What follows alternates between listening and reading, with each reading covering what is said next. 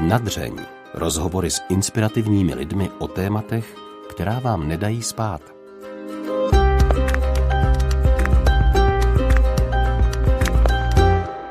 Může si člověk připadat krásný a přitažlivý, i když jeho tělo vypadá od narození jinak než těla ostatních? A jak být v pohodě s tím, když člověk po třicítce ještě nemá životního partnera? A protože je na vozíku, znamená to, že musí být závislý na pomoci rodičů anebo asistentů. Na tato nelehká a velmi osobní témata jsem si k mikrofonu pozvala Laďku Blaškovou, která má dětskou mozkovou obrnu.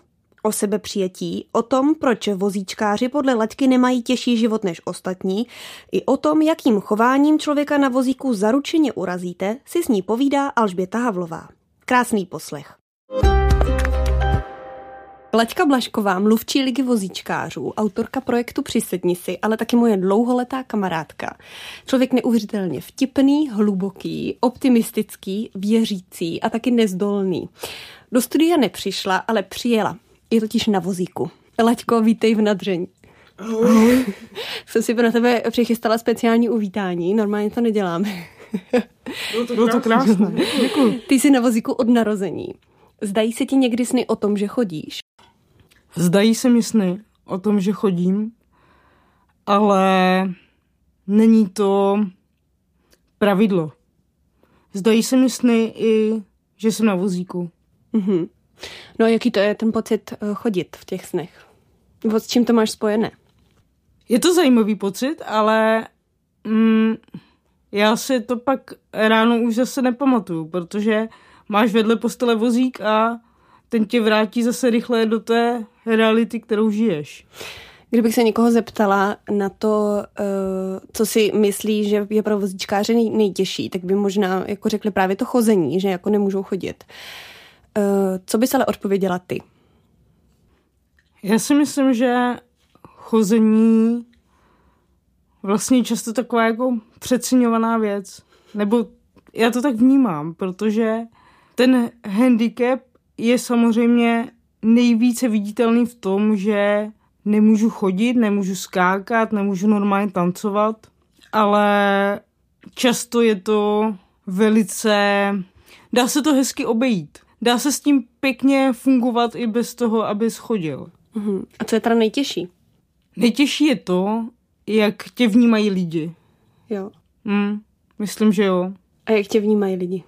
To já nevím, to se musíš zeptat těch lidí. Nebo jak, ale... jak vnímáš to, že tě, jak, že tě vnímají nějak lidi? Uh, já vnímám, že mě vnímají jinak, že uh, když se ti lidi baví s vozíčkářem, uh, tak mají tendenci mluvit pomaleji, artikulovat lépe a často vnímáš ten jejich nekomfort toho, že se baví s někým, uh, o kom si myslí, že je jiný.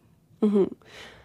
No a není to náhodou, um, nespadá to do kategorie toho, co si o tobě myslí ostatní, jak protože s tím bojujeme úplně všichni, co si o nás myslí ostatní, tak uh, je to něco, uh, s čím třeba musíte pracovat, aby vám to bylo jedno, co si o mě myslí ostatní? A nebo jako jde to vůbec tady takhle to?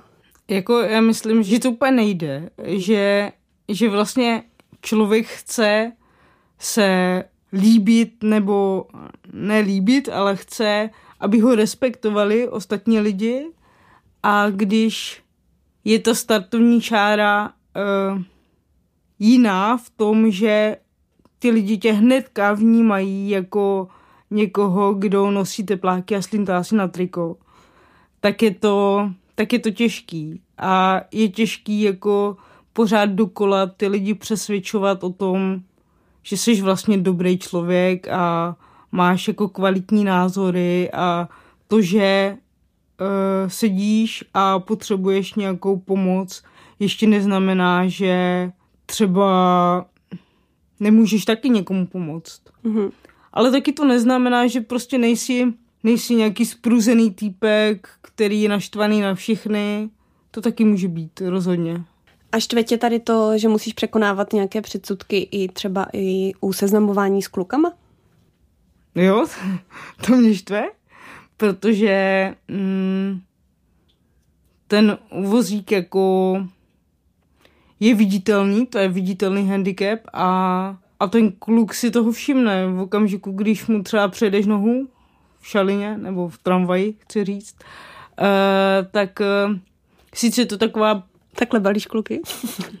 to byl pro mě blbý vtip. uh, není to vtip, je to, je to dobrá, dobrá taktika, když někomu mm, předeš nohu uh, nechtě, pak ho pozveš na kafe a uh-huh. pak uh, na tom kafe zjistíte, že si třeba rozumíte nebo tak, tak to může jako fungovat, no. Takže Ale... to někdy může být jako pozitivum, jako ten vozík, jo? Myslím si, že je to jako komunikační most. V okamžiku, kdy se ten tvůj komunikační partner odprostí od toho, že uh, ty jsi člověk, který uh, mu nesahá ani pokotníky a respektuje tě jako člověka, tak v tom okamžiku to může být velmi jednoduché, protože uh, téma vozíků je zajímavé pro všechny. A ty lidi, když seberou odvahu se o tom bavit, o tom, jaký máš život a jak se ti funguje s handicapem, tak pak najednou pak uh, zjistíš, že se můžeš s ním bavit o čemkoliv dalším a docela i hlubokým, tak jak si to říkala.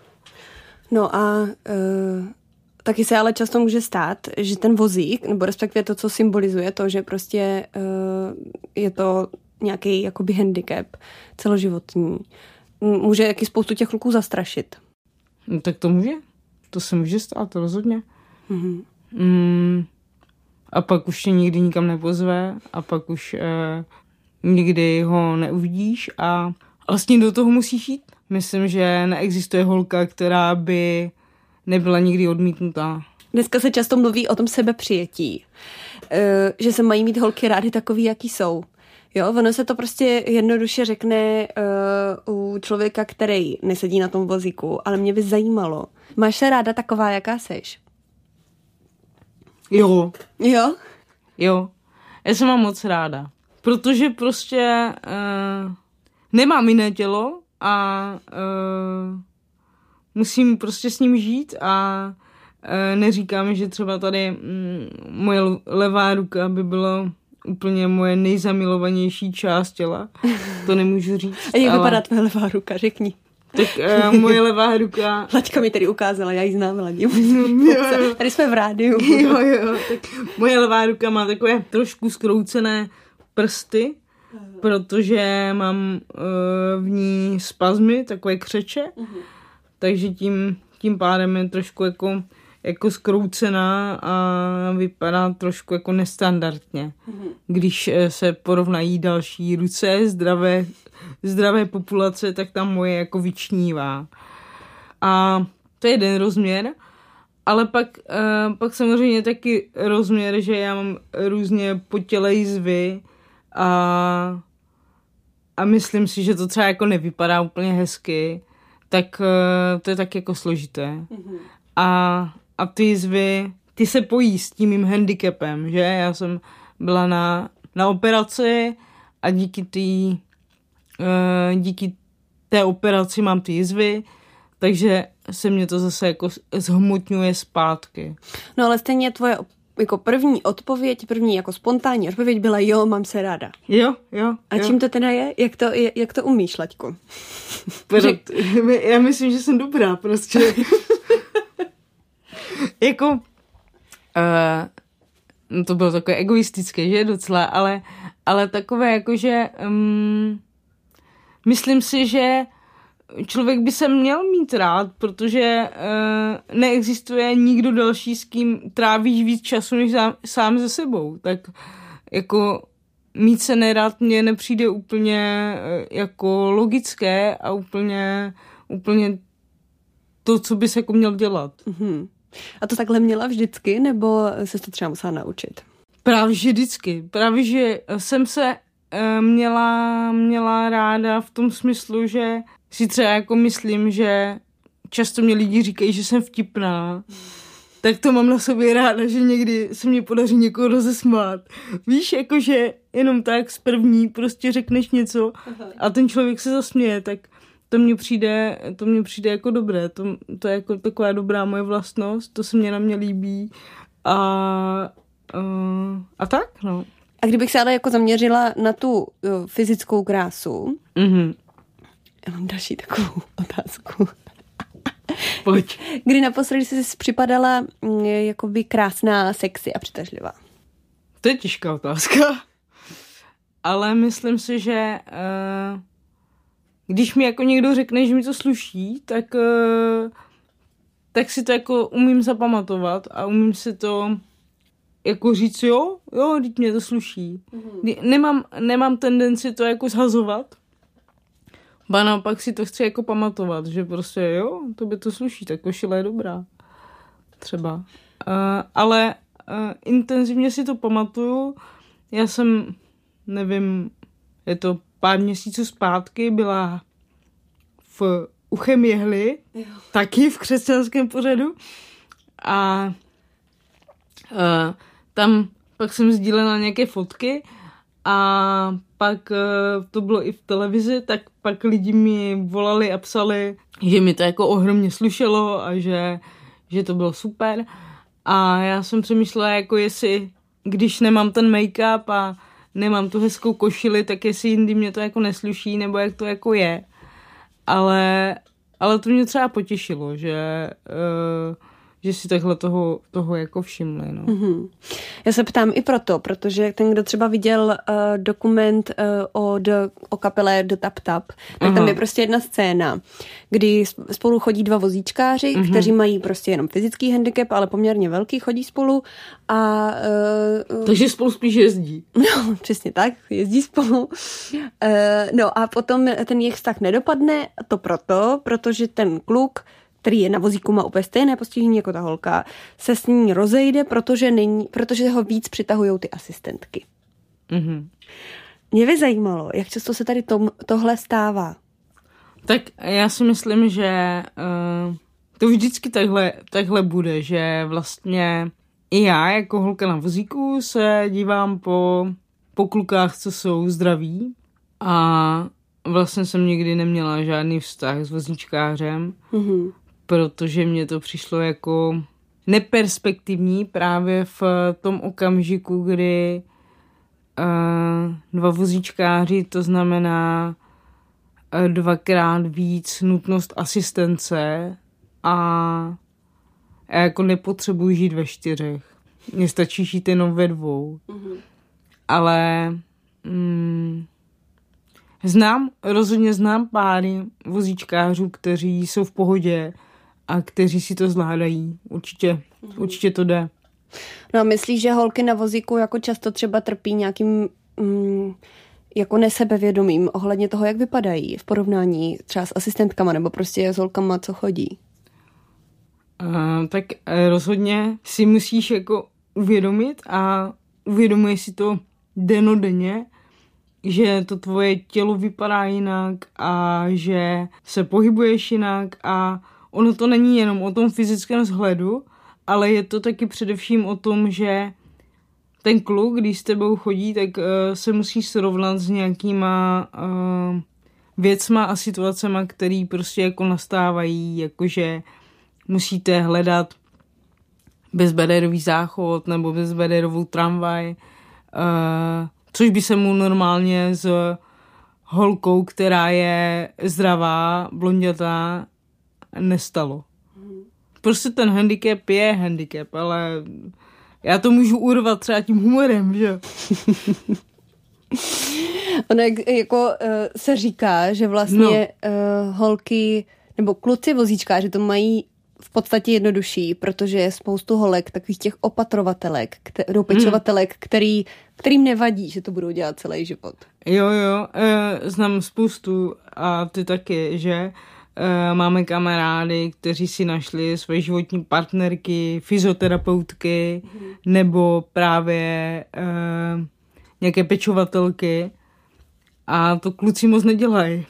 Kluci jsou spíš fotbalisti nebo tak a, a myslím si, že právě jako holka na vozíku to má jako těžší, no. Co všechno takový kluk, který uh, třeba dejme tomu s tebou by začal chodit, s čím vlastně musí počítat, když by s tebou začal žít? Co vlastně to jako vyžaduje takhle od... Jo, počkej, to je seznamka tohle. Partnerů. tak, uh, je, to, je to jiné v tom, že uh, potřebuji fakt uh, pomoct, uh, co se týče třeba jako oblíkání a, a věcí každodenní potřeby, ale zase si musíme říct, že když s někým jako začneš chodit, tak to neznamená, že hnedka uh, jde s tebou jako na záchod, že jo? Víš, nebo hnedka dělá nějaké, nějaké intimní věci. Myslím si, že je důležité najít tu hranici mezi tím, kdy uh, ti asistuje a tím, kdy uh, se k tobě chová jako partner. Aby to nespadlo právě do toho pečování. Je hledání toho partnera životního jako téma mezi uh, holkama na vozíku? Myslím si, že jo, no. Je to asi téma úplně přesně stejně jako uh, mezi holkama bez vozíku. Je to prostě jako důležitý a, a tím, jak je to trochu jiné a trochu někam jako dál posunuté, tak je to jako hlubší možná. Jak vlastně vybalancovat tu závislost, eh, kterou třeba máte teďka momentálně na, na rodičích? S tím, že aby se člověk stal jakoby nezávislejší, takže eh, to znamená třeba přejít do partnerství. Uh, myslím si, samozřejmě nemůžu mluvit za všechny holky na vozíku, ale myslím si, že uh, pokud to jako se stane středobodem tvého světa, tak to nikdy jako nedojde dobrého konce. Víš, jakože já myslím, že všechno, co má nějak být, tak se stane a rozhodně nechci jako tlačit uh, něco někam jenom za cenu toho, abych byla méně závislá na rodičích nebo na asistentech. Jako chodit, chodit s někým jenom proto, aby si měli jednodušší život, nebo jako mm, méně závislý život mně přijde mimo. No a máš někdy třeba jakoby strach z té budoucnosti, jak to bude dál? No, asi jo. Nebo spíš takovou jako, spíš jako takový respekt vůči tomu, než strach. To není strach, to je, to je respekt. A já svoje rodiče miluju, protože oni jsou oba skvělí. Oni svůj život zasvětili tomu, abych já měla hezký život a za to jim potří můj nehynoucí dík. Ale samozřejmě, že to je někdy těžké, jako i pro moji maminku určitě, kdy musí na mě čekat nebo musí uh, právě někde pro mě jít někam. A to jsou právě ty okamžiky, kdy si říká, že ten handicap je těžká věc. Mm-hmm že vůbec nejde o to, že nemůžu lozit po horách, ale jde o to, že nemůžu uh, sama uh, přijet z Masné na Životského třeba. Mm-hmm. Že prostě na všechno potřebuješ člověka, ano. který ti s něčím pomůže. Mm-hmm. Ty sama si měla několik vážných vztahů. Říkáš si někdy zpětně, no to jsem mohla vydržet třeba nějaký jako špatný vlastnosti toho kluka, mohla jsem být vdaná. No, jo. Říkáš si to? Ně, někdy jsem si to řekla asi dvakrát, no. Jo. No. No ale, ale pořád pro sebe chceš to nejlepší, stejně ne? Přesně. Chci pro sebe to nejlepší a to nejlepší asi ještě přijde. Ne, já myslím, že to nemá smysl takhle jako přemýšlet. Eh, samozřejmě, že tě to někdy napadne, když ti ten kluk uh, pošle, já nevím, svatební oznámení nebo něco, ale v ten okamžik, kdy jste spolu a přestane to fungovat, tak se rozhodneš a pak si za tím rozhodnutím jako musíš stát a musíš v tom být pevný. No a dokážeš si představit eh, ty, že bys vychovávala dítě? Určitě. Jo. No to, to si piš. Vlastně každý člověk tak jako nějak touží po tom, aby měl dítě, aby mm, to nějak jako předal něco jako ze sebe dál. Mm-hmm.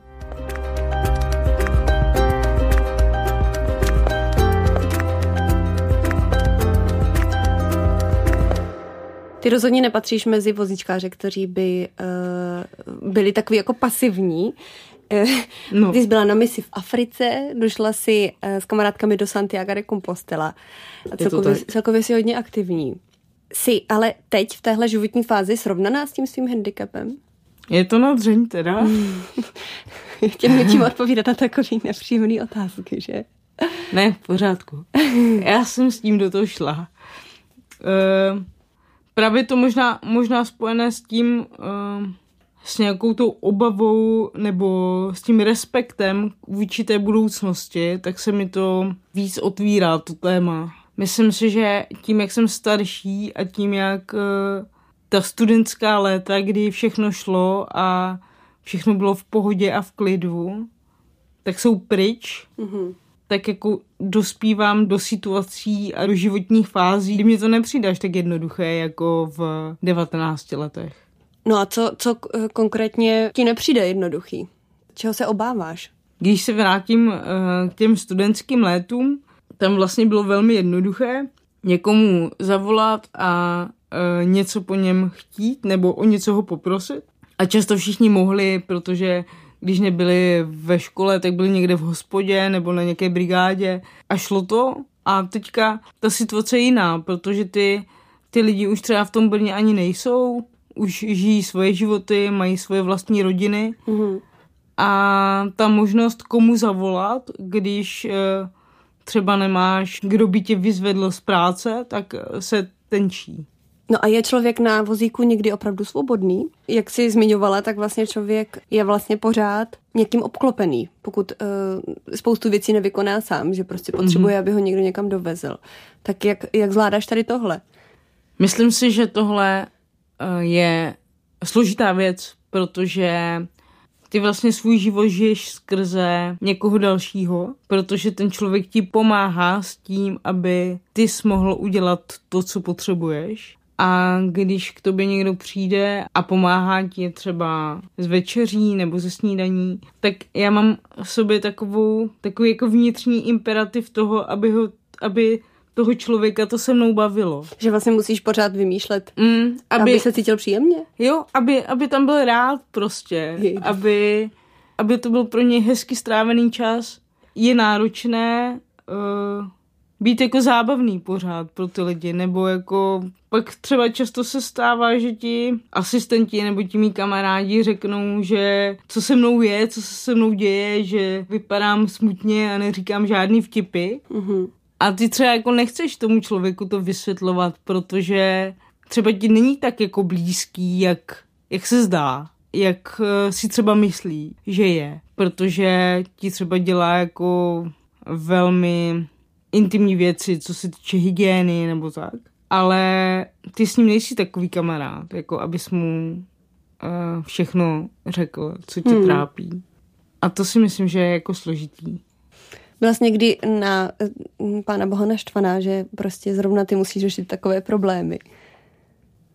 No, mm, Eh, jo, někdy jo. Někdy, eh, někdy jo, ale jsou to také jako chvilková, chvilková naštvání, že prostě eh, mm, třeba něco nejde, nebo eh, neumíš sám otevřít dveře, eh, neumíš sám vyjet z bytu, nebo nejde ti obout ponožka, která ti šla obout ještě před eh, třema dnama to šlo a teď už to nejde, uh, tak, tak to se jako naštve, že jsi takový uh, jako trošku um, fakt jako naštvaný. Proč zrovna, proč zrovna ty musíš uh, mít problém s tím otevřít ledničku, když každý druhý, co otvírá ledničku, si ani nespomene, že otvírá ledničku, protože to automaticky udělá. Ale uh, pak, uh, pak mi dojde, že to jako nemá smysl. Že tohle je můj život a být naštvaný na to, že nechodím, je jako být naštvaný na to, že nemám hudební sluch. Prostě ho nemám a mrzí mě to. Je to můj velký handicap, ale neudělám s tím nic. Mm-hmm.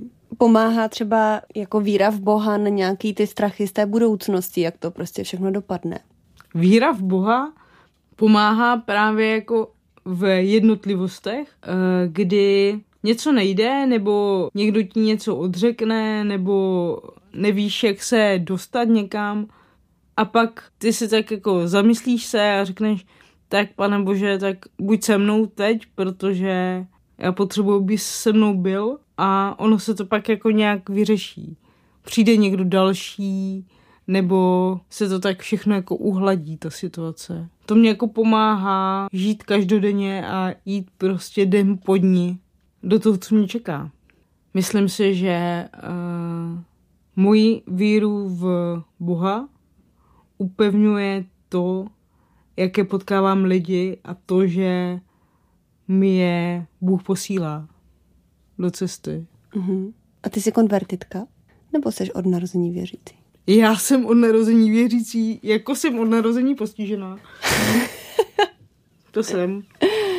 Moje setkání s vírou uh, bylo skrze moji babičku, která, já pocházím z Moravan u Kijova, což je na Slovácku. A tam je ta víra docela hluboce zakořeněná, bych řekla. Ale je to spíš jako taková tradiční věc. Není to úplně, že bych už od mládí mohla říct, že mám s Bohem nějaký osobní vztah. To, to rozhodně ne. A kdy se to teda změnilo?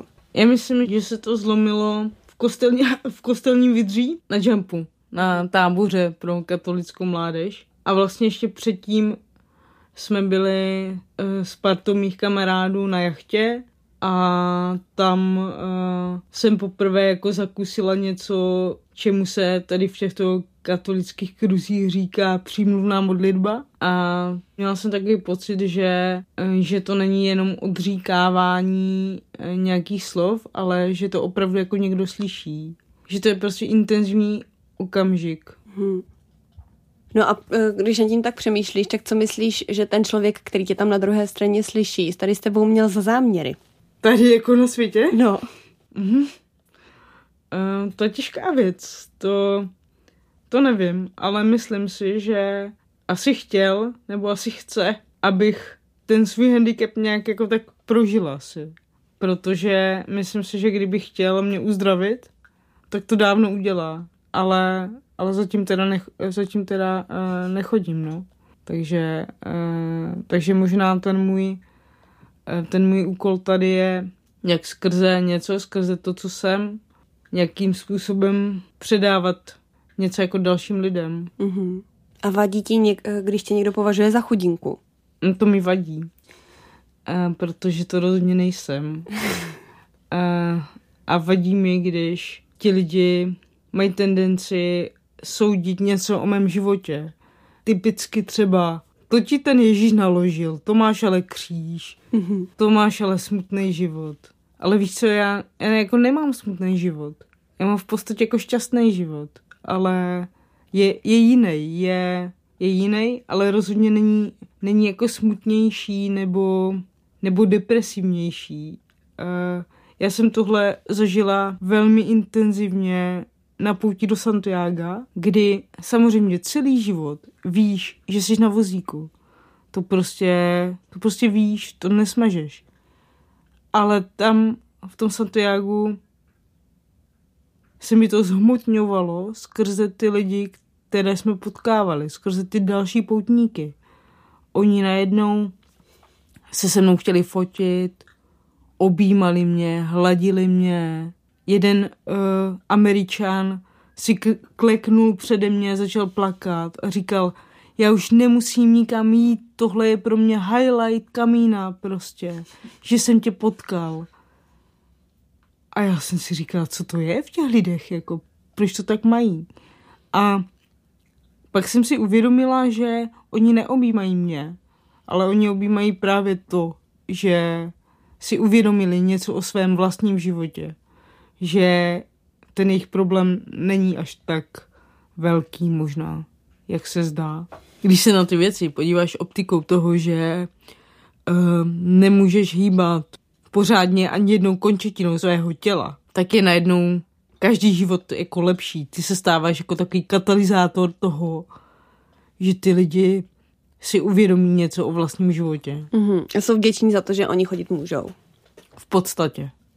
No a ty nevnímáš to někdy, když to vezmu obráceně, nevnímáš to někdy tak, že si říkáš eh, třeba v nějakých situacích, kdy si někdo stěžuje nebo říká, jak má těžký život, tak nemáš tendenci si někdy říkat, když můžeš chodit, tak pro co si stěžuješ? Víš co, to je, to je nefér vůči tomu člověku, co ti to říká. Mm-hmm. Protože on ti to říká, protože to opravdu tak cítí a, a jediný, co můžeš, je ho jako vyslechnout a být tam s ním v tom okamžiku. To, že se budeš porovnávat s tím, že někdo ti tady brečí, že se někdo s někým rozešel a přitom ty se pořád nemůžeš jako pořádně s nikým seznámit třeba, tak eh, to jsou úplně jako dvě jiné roviny stejné situace. Já prostě se nechci porovnávat eh, s někým a nechci určovat, že ta moje situace je těžší než, než ta jeho, protože on v ten okamžik, kdy ti říká, že mu je špatně a že uh, potřebuje, abys ho vyslechl, tak opravdu potřebuje tvoji blízkost. A pokud tě zvolil, že si s tebou o tom chce povídat, tak uh, dej si v pozici, abys něco hodnotil. Mm-hmm. Takže si v podstatě nemyslíš, že tvůj život je těžší než ostatních? Já si to nemyslím. Já si myslím, že můj život je v mnohých ohledech velmi jiný. Mm-hmm. Jo, nevěřím na takové to, jakože když se chce, všechno jde. Protože to je taková líbivá hláška. Ale... Ano, já mám ještě jednu hlášku. Uh, koho pán Bůh miluje, toho křížkem navštěvuje. To je výborný. To je, to je výborný, to často slýchám. To je, to je, to je výborný, no. A tak, a tak já zase si říkám, že mě asi fakt miluje.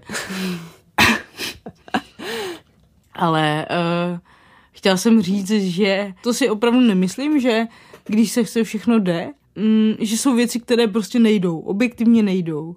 A není je třeba lámat přes koleno, ale neznamená to, že můj život je o to těžší. Já i díky tobě vím, že vlastně, eh, že někdy mezi vozíčkáři panuje docela drsný humor a že se nebojíte prostě nějaký vtipných narážek. Mm-hmm. Um, jaká je ale podle tebe nejhorší věc, kterou uh, člověk může člověku na vozíku říct? Nejhorší věc? to ti řeknu přesně. Myslím si, že nejhorší věc je takové ostentativní přehlížení. Mm-hmm. Že někde si a ten člověk s tebou jako nemluví. Jo, ten člověk tě opravdu jako přehlíží. Že třeba mluví s asistentem místo toho. Třeba. Mm-hmm. Ale, ale uh, to, to jsou taky jako takové situace, ale to jsou, to jsou jako lidi, kteří možná toho vozíčkáře nikdy neviděli, neví, jak se chovat a neví, jako, jestli tě vůbec můžou oslovit. To je taková jako věc z neznalosti. Mm. Ale já mluvím spíš o tom, uh, kdy ten člověk tě fakt jako přehlíží, protože si myslí, že tvůj názor není cený. Hmm. Prostě je jedno, co si myslíš, protože jsi na vozíku. No a pamatuješ si třeba na nějakou kon- konkrétní situaci, kdy tě někdo jako fakt zranil svým chováním? Konkrétní situaci, kdy mě někdo zranil eh, svým chováním vůči mému handicapu, jo? Mm-hmm. Já se snažím takový jako věci vytěsňovat. Jako myslím si, že se mě staly určitě, ale nemám, nemám úplně konkrétní situaci. Hmm. A nebo je to takový, je to takový velký údiv, jakože ty máš vysokou školu, anebo ty něco, anebo ty se umíš podepsat. Jako uh, tohle jsou těžké věci, protože já toho umím daleko víc, než se jen podepsat. Hmm. Ale ti lidi skrze ten handicap, skrze ten vozík o tobě soudí něco, co nemusí být vůbec žádná pravda. Existují podle mě jako dva póly toho, jak se na vozíčkáře dá dívat. Buď jsou to chudáčci, kteří potřebují naši pomoc, anebo jsou to hrdinové, kteří prostě ty překážky každodenně překonávají. Ale myslím si, že ta pravda je někde v polovině. Že to nejsou ani hrdinové, ani chudáčci. To jsou prostě lidi. No. Hmm. E, Ty jsi musela jako uh, vozíčkářka smířit se spoustou věcí. Uh, s čím se ale v životě určitě smířit nechceš? Nechci se smířit s tím, že ten handicap bude řídit můj život. A nikdy v životě nechci přijmout to, aby se ze mě stal zapšklý člověk. Mm-hmm. Aby se ze mě stal člověk, který bude naštvaný na svět. A dávám si na to pozor. Já mám někdy takovou tendenci jako třeba si fňuknout, že to je třeba trošku špatně něco, ale nechci, nechci nikdy v životě se dostat do situace, kdybych byla fakt jako naštvaná na svět. A co si pro sebe uh, teď nejvíc přeješ? Klid do života. Myslím si, že to je, uh, to je totiž jako základ. Základ spokojenosti je v tom smířit se ze situací a v okamžiku, když jsi spokojený, tak k sobě můžeš jako lákat ty, ty, dobré, ty dobré věci a, a správné lidi. Ty se uh, ptala na to sebevědomí těch, těch holek handicapovaných a mě toho napadlo, že já jsem si jako vždycky myslela, že můžu zbalit úplně každýho, jako. Třeba když mě bylo, já nevím, 16, 17, tak eh, pro mě ten handicap nebo ten vozík fakt jako nebyl, nebyl limit. Mm-hmm. A teď se k tomu jako, teď se k tomu jako chci nějakým způsobem vracet, ale už jako s dospělejším pohledem. V tom, že vím, že všechno nejde úplně hladce a jednoduše, ale všechno se dá zvládnout. A třeba ty, jak jsi mluvila o mě v tom úvodu, tak mě to, mě to hrozně jako potěšilo a vlastně, vlastně mě to, to, to eh, sebevědomí napumpovalo, protože jsi to řekla fakt jako hezky a navíc je to všechno pravda. navíc je to všechno pravda. takže to je super. Takže, takže takové jako uvědomování si, uvědomování si pravd o sobě uh, může být pak uh, důsledkem toho, že třeba potkáš někoho, koho to osloví. Mm-hmm. Ladi, tak já moc děkuji za to, že jsi přijala pozvání do Nadřeň. Já moc děkuji, že jsem tu mohla být. Bylo to super. Děkuji. Hostem pořadu Nadření byla Ladislava Blašková, mluvčí ligy vozíčkářů. Za spolupráci na rozhovoru děkuji Antonínu Kánskému a Marii Moreno. Na závěr s vámi budu sdílet malou momentku z průběhu natáčení. Jo, dobrý. Kdo? To byl Milan Tesař. Eh, Mil, Milan Tesař, já ho chci vidět. Milan Tesař. Milan Tesař, ba, babička moje, to tam slyší, že jo? jo? Babička moje milovala proglas. Prostě ona to pořád poslouchala. Prostě.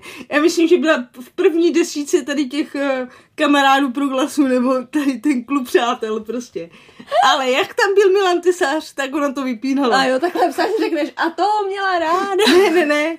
Ona říkala, ona vždycky přišla a říkala, No, zase tam ten Milan Tesář, toho já vypínám. tak to jsem si myslela, jak nám tady skloníš pokl- poklonu o našem super redaktorovi hudebním. jo, já tak to chci vidět, jo. No, normálně, škoda, měl to, příště, až přijde, tak ho zastav. Pondo. Řekneme mu to do očí. já mu to klidně řeknu, já nemám problém. A protože Laďka s upřímností nešetří, taky mu to hned po natáčení řekla. Ovšem dodala, že jí se jeho práce líbí. Ať máte podobnou radost ze života jako můj dnešní host, vám přeje Alžběta Havlová.